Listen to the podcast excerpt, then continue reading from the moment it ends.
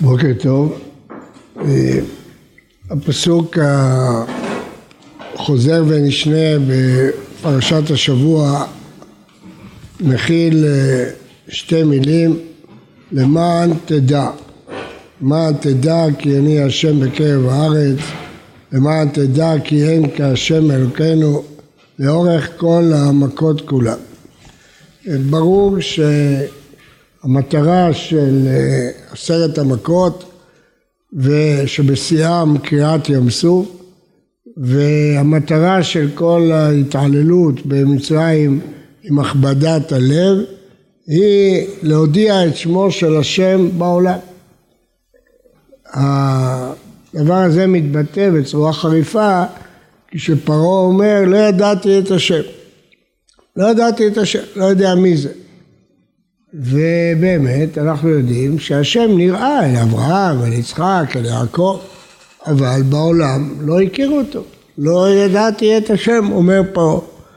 והמטרה של כל המכות האלה, כפי שכתוב בתורה לאורך כל הפרשה, למען תדע כי אני השם בקרב הארץ, להודיע את שמו של הקדוש ברוך הוא. מה הפירוש? להראות שהשם הוא פודה עשוקים ומציל את הצועקים אליו, מציל את עמו מיד אויביו, אז צריך להודיע את זה. ההודעה הזאת היא לא רק לפרעה ומצרים, היא גם לכל עמי האזור. אנחנו יודעים את זה משירת הים, שמעו עמים, הרגזו, חיל אחז ופלשת, אבל יותר מעניין כשאנחנו שומעים את זה מפי רחב, שרחב מספרת לשני המרגלים חרש שכולנו יודעים, כבר אנחנו יודעים שנפסיד את המלחמה הזאת. למה? כי שמענו שהוביש השם את מי ים סוף בפניהם. כלומר, שהתפקיד של עשרת המכות וקריעת ים סוף הייתה, היה לא רק להודיע לפרעה, אלא גם להודיע לכל עמי האזור, שידעו שיש השם בקרב הארץ. ואנחנו יודעים שזה פעל, שמעו עמים ארגזון, חיל אחרז ושווה פלשת.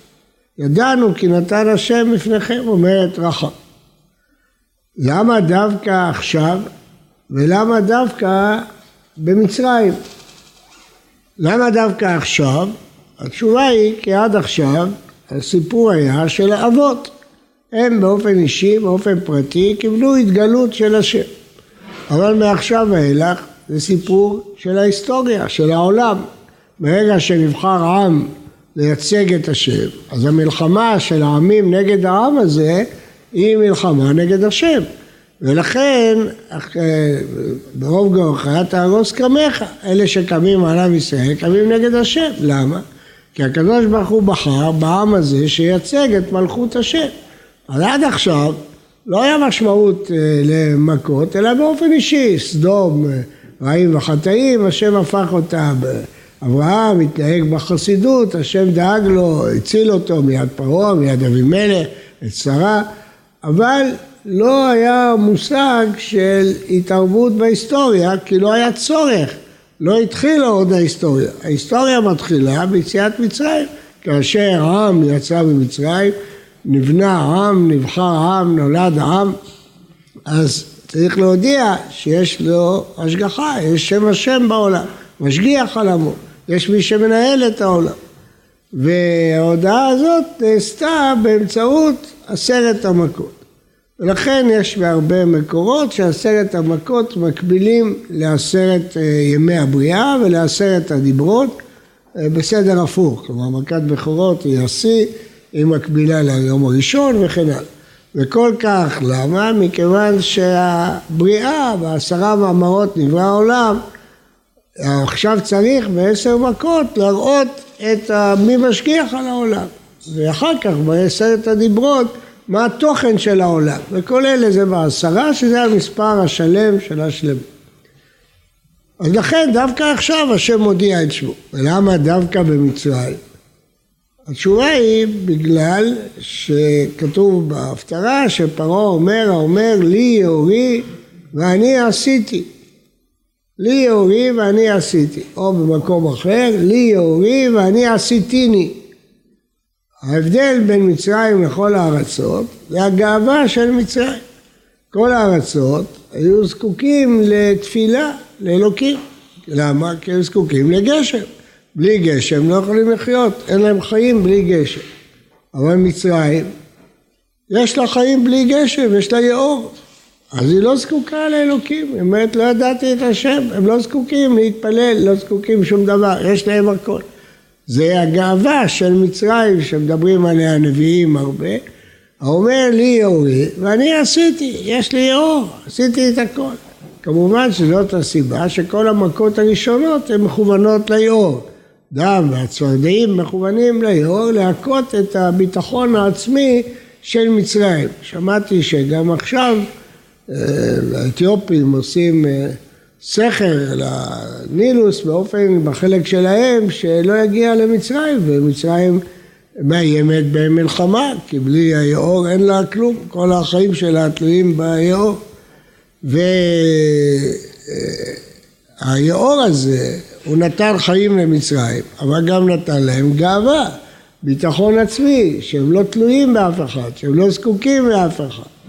ולכן דווקא שם, מול פרעה, הקדוש ברוך הוא בחר להודיע את שמו בעולם, בהיסטוריה, כדי להראות מול זה שאומר לי יאורי ואני עשיתיני, מי באמת אלוהי היאור, מי באמת אלוהי העולם.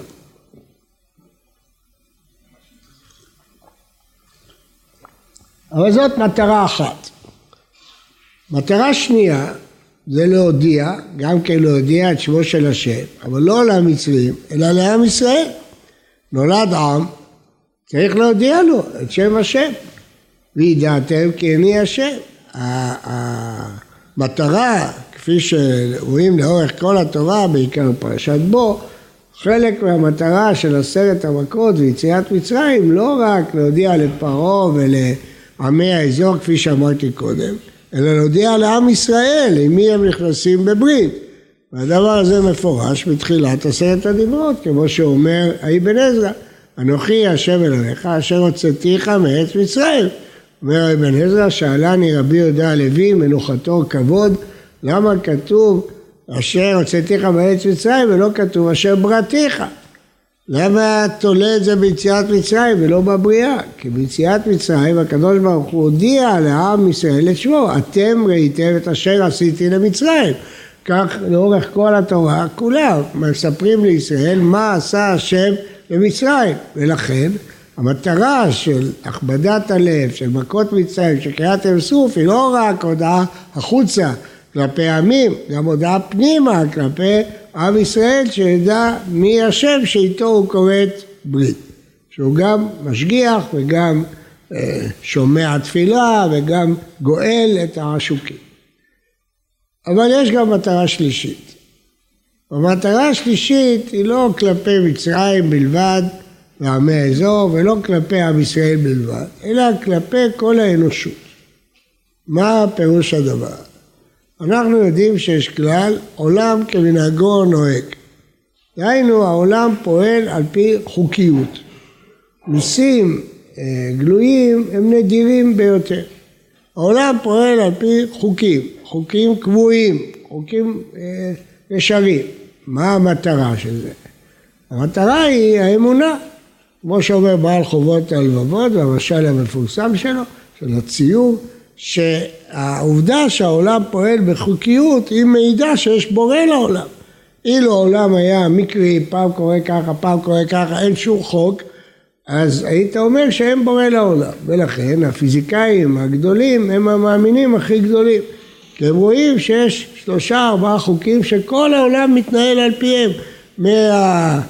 מהכדורי הלוויינים הגדולים ביותר וכדורי לכת ועד הפירור הכי קטן, כולם מתנהלים באותם חוקים של משיכה ושל דחייה ושל אה, אה, חוקי החומר, חוקי הביוכימיה, הכל אותו דבר, כל העולם, גוף האדם, העולם, המתכות, הפועלים לפי אותם עקרונות, אותם חוקים. וזה דבר גדול מאוד שמעיד על אמונה, כי אם העולם נולד במקרה, איך במקרה הוא כולו מתנהל לפי חוקיות אה, קבועה? אבל יש גם סיכון בחוקיות. כשאתה מנהל את העולם כל הזמן לפי חוקיות, יכולים לטעות ולחשוב שהטבע הוא האלוקים. עובדה שיש חוקיות בטבע והטבע הוא, הוא מנהל את העולם. כפי שטעו רבים. לכן, למרות שיש חשיבות גדולה לכלל שהעולם כמנהגו נוהג ולחוקיות, יש צורך באופן חד פעמי לפרוע את החוקיות הזאת. להראות שהחוקיות הזאת היא לא טוטאלית, יש מי ששולט עליה. הים, הקדוש ברוך הוא יהפוך אותו ליבשה, האור יהפוך אותו לחושך, המים לדם. זאת אומרת שיש פריעה של חוקי הטבע, הקדוש ברוך הוא פורע את חוקי הטבע. למה? להראות לך שהחוקיות שאנחנו מכירים כל הזמן היא חוקיות שהשם נתן אותה. ברצונו הוא נתן חוקיות, ברצונו הוא נותן אותה, ולכן צריך שיהיו פעמים נדירות שהקדוש ברוך הוא יפרע את החוק כדי להראות שהוא שולט על החוק ולא חלילה החוק שולט עליו. ולכן מכות מצרים יש להם חשיבות היסטורית כיוון שהן מראות שהשם יכול לשנות את חוקי הטבע. והדבר הזה הוא מאוד מאוד משמעותי כדי שאנשים לא יטעו שהטבע הוא האלוהות אלא יש מישהו ששולט על הטבע, מעל הטבע. ולכן המטרה של מכות מצרים, קריעת ים סוף, היא לא רק פרעה ולא רק עם ישראל, אלא כל תפיסת האמונה בכלל לדורות, להראות מי קובע, מי שולט בחוקי הטבע. אמרתי פעם חידוש, שלפי זה אפשר להבין את דברי הרמב"ם בבחירה החופשית. הרמב"ם שמחשיב מאוד מאוד את הבחירה החופשית, מקשה על עצמו מהכבדת לב פרעה. והוא עונה תשובה מפורסמת שפרעה חטא ולכן עונשו שמכבידים את ליבו, שמונעים ממנו את כושר הבחירה. יש תשובות אחרות, אבל זאת התשובה של הרמב"ם. מה המשמעות של התשובה הזאת? לפי עניות דעתי זה אותו דבר מה שאמרתי לכם קודם. ישנו חוק שנקרא הבחירה החופשית, שאדם יכול לעשות ככל העולה על רוחו. אבל מי נתן לו את החוק הזה? הקדוש ברוך הוא. כך כותב הרמב"ם. אומר הרמב"ם זה לא ממעט את כוחו של השם כשאתה אומר שאדם יש לו בחירה חופשית. ומביא הרמב"ם משל, כשאתה זורק אבן והיא נופלת, אתה לא אומר זה כוח האבן. אתה אומר, הקדוש ברוך הוא נתן כוח באבן שאם היא נמצאת בגובה היא נופלת. אותו דבר, כשלאדם יש בחירה חופשית, זה לא אומר שהוא אלוה. זה אומר שהקדוש ברוך הוא נתן לו חוק של בחירה חופשית. אבל אילו זה היה תמיד בחירה חופשית, היו אנשים יכולים לטעות ולחשוב שבאמת יש תחום שאין אלוה חלילה. הנה עובדה שאדם עושה מה שהוא רוצה, גם למרוד באלוה. לכן הקדוש ברוך הוא לעיתים נדירות צריך ליטול את הבחירה החופשית, למנוע אותה, כדי להראות שהוא שולט על הבחירה החופשית. ברצונו הוא נותן להם, ברצונו הוא נוטל אותה.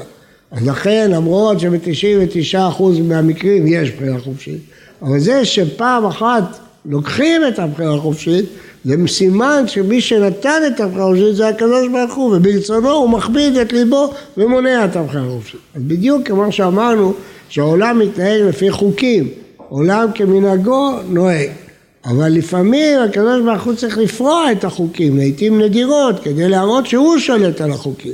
אותו דבר בבחירה החופשית. בחירה חופשית זה חוק מאת השם, אבל אנשים יבואו לטעות ולחשוב שזה כוח האדם. לכן צריך לפעמים לבטל ממנו את הבחירה החופשית, כדי שנדע שגם כשיש בחירה חופשית זה חוק מאת השם. אז אם כן, מנינו שלוש מטרות במכות מצרים. אבל יש גם מטרה רביעית שמפורשת בתורה, מפורשת גם בתהילים, ובכל אלוהי מצרים אעשה שבטים, אני השם. העמים הקדמונים היו מאמינים באלוהים, אבל הם הפכו את הכוחות לאלוהיהם. השור, כוח השור, או המים, היאור, או השמש, הירח, המאורות, את כל אלה הפכו העמים הקדמונים לאלוהים, כי הם ראו בהם כוחות אדירים שאי אפשר להתמודד איתם. ומטרת המכות, מטרה רביעית של המכות, זה בכל אלוהי מצרים ועשה שפטים, ולהראות שהקדוש ברוך הוא מעל הכוחות הללו, מעל אלוהי מצרים. אנחנו אומרים בהודו להשם חזור, כן, אתה באלוהיהם, לא רק בהם, באלוהיהם. אנחנו בהגדה של פסח מדגישים את זה, באלוהיהם. למה? מכיוון שאחת המטרות, המטרה הרביעית כמו שאמרנו, שעשרת המכות, זה להילחם באלוהי העמים הקדמונים. ולכן המכה הראשונה היא ביאור, שהוא היה אלוהים אצל המצרים. לכן היה צריך להפוך אותו לדם. אחר כך המכה של האור שנהפך לחושך, מי שמאמין במאורות, הקדוש ברוך הוא הופך את האור לחושך. אלה שהאמינו בבקר ובצאן, אז זו מכת הדבר, מכת הדבר בקע בבהמות, כדי להראות שהם לא אלוהים. והברד שמכה בצמח האדמה, מראה שאלה שנתנו את אמונם ביבול באדמה, הקדוש ברוך הוא מכה. כלומר, יש כאן הודעת שם השם מרובעת. קודם כל השם מודיע את שמו לעיני פרעה שאומר לי אורי ואני עשיתי מראה לו שיש אלוה בעולם. ולמה דווקא עכשיו? כי עכשיו מתחילה היסטוריה עם עם ישראל. ולמה דווקא במצרים? כי הם היו הגאוותנים והכופרים הכי גדולים בגלל שיש להם יאור. מי השם אשר ישמע בקולו? המטרה השנייה, להודיע לעמי האזור, לכל עמי האזור, לא רק למצרים, שמעו עמים ירגזו, לכל העולם שיראו, ואחת המטרות האלה היא שכיבוש הארץ ייעשה בקלות, כיוון שהעמים שם יזכרו מה שעשה השם למצרים. ראינו מטרה נוספת, שזה פנימית, הודעה לעם ישראל. כיוון שעכשיו נולד עם, צריך להראות לו מי אלוהיו. מה כוחו של אלוה ששומע לכל הצעקה שלהם, הנאקה שלהם, מציל אותם ממצרים ומצליח אה, להוציא אותם מעבדות לחירות, אנוכי השם אלוהיך אשר יוצאתיך מארץ מצרים מבית אבי. כלומר, פנימה, לא מטרה החוצה, אלא מטרה לעם ישראל לידע אותם ולכן יש עשרות מצוות של לזכור את יציאת מצרים. ואמרנו שמטרה נוספת היא מלחמה באלילים ואלוהי העמים שראו בכוחות הטבע שאף אחד לא יכול להתגבר עליהם. ואיתני הטבע כמו הים והמאורות וכדומה שאי אפשר להתגבר עליהם והמכות מראות שהקדוש ברוך הוא שולט עליהם. אמרנו גם שיש פה דבר נוסף זה הנס, שהנס מטרתו לערער את החוקיות של העולם. למה? כי בדרך כלל החוקיות שבעולם מעידה על הבריאה אבל עם הזמן אנשים התחילו להאמין שהחוקיות מעידה שהטבע הוא אלוקים. לכן היה צריך קדוש ברוך הוא לעשות פעם אחת ניסים שפורעים את חוקי הטבע, להראות שגם חוקי הטבע הם נבראו על ידי השם. אלה המטרות של מכות מצרים וזה מסביר את ההתנהלות הארוכה של הכבדת לב פרעה כל פעם, עוד פעם ועוד פעם ועוד פעם כדי להרבות למען רבות מופתעי בארץ מצרים, כן, אבות מופתעי בארץ מצרים. פעם הגאון מווילנה אמר שכל אחד, השם שלו רמוז בתורה, הוא אמר שהוא רמוז באבן שלמה, אליהו בן שלמה. שאלו אותו איפה הרמב"ם רמוז, הוא אמר רבות מופתעי בארץ מצרים, ראשי תיבות הרמב"ם. רבות מופתעי בארץ מצרים, הקדוש ברוך הוא הרבה את המופתים במצרים עד הרמאות הגדולה בסוף עם קריעת ים סוף, שישראל בורחים ומצרים רודפים והקדוש ברוך הוא מניע אותם חזרה, נבוכים הם בארץ, כל זה נודע להודיע את שמו הגדול בגלל ארבעת המטרות שמנינו קודם. שבת שלום וברוך.